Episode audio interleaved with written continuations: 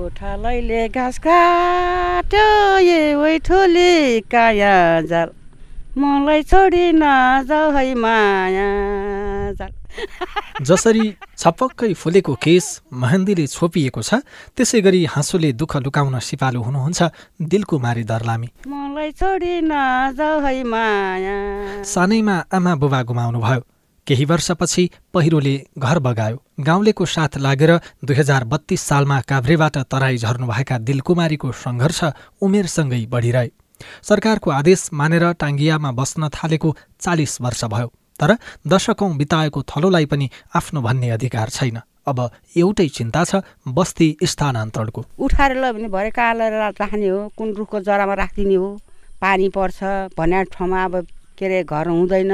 कति बिजोको हुन्छ। यहाँ भएदेखि सबै मिला छ त्यो पनि उठाएर अब ल भने कागर घर बनाएर उभिएर बस्ने दुई हजार छयालिस सालमा कृष्ण प्रसाद भट्टराई नेतृत्वको सरकारले उनीहरूको उचित स्थानान्तरण गर्ने प्रतिबद्धता जनाएको थियो।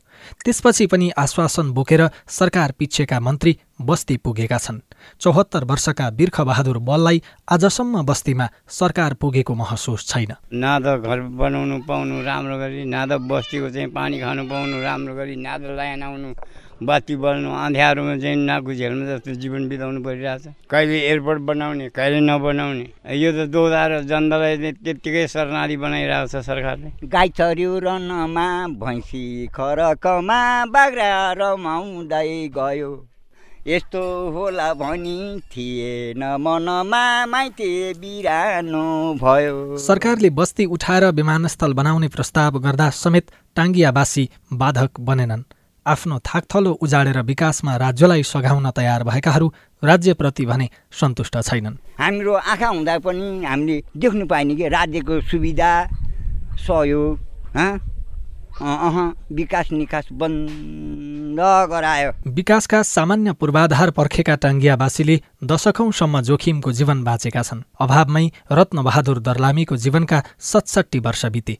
त्यही माटोसँग सङ्घर्ष भयो माटोसँगै प्रेम। अब रत्नबहादुरलाई टाङ्गिया छाडेर कतै जाने चाहना छैन। हामी अब सानोदेखि नै यहीँ हुर्क्याएको मान्छे अनि त्यो माया लाग्छ नि त आफ्नो ठाउँको होइन? विमानस्थलकै नाममा विकासबाट वञ्चित भएका टाङ्गियावासी आयोजना रोक्ने आदेशले हर्षमा छन् तर बस्ती व्यवस्थापनका विषयमा अदालत मौन रहँदा अन्यलता भने हटेको छैन।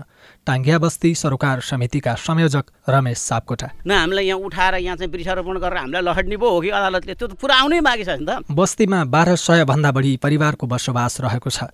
उनीहरूसँग जग्गा धनी पूर्जा छैन कतिपयसँग नागरिकता समेत छैन। उचित मुआब्जा लिएर ठाउँ छोड्न तयार टाङ्गियावासीको मनस्थिति सर्वोच्चको आदेशपछि भने फेरिएको छ। उनीहरू अब गाउँमै विकास चाहन्छन्। सरकारले पूर्जा दिनु पर्यो हामीलाई सबभन्दा अगाडि। अनि लायन बाल दिनु पर्यो।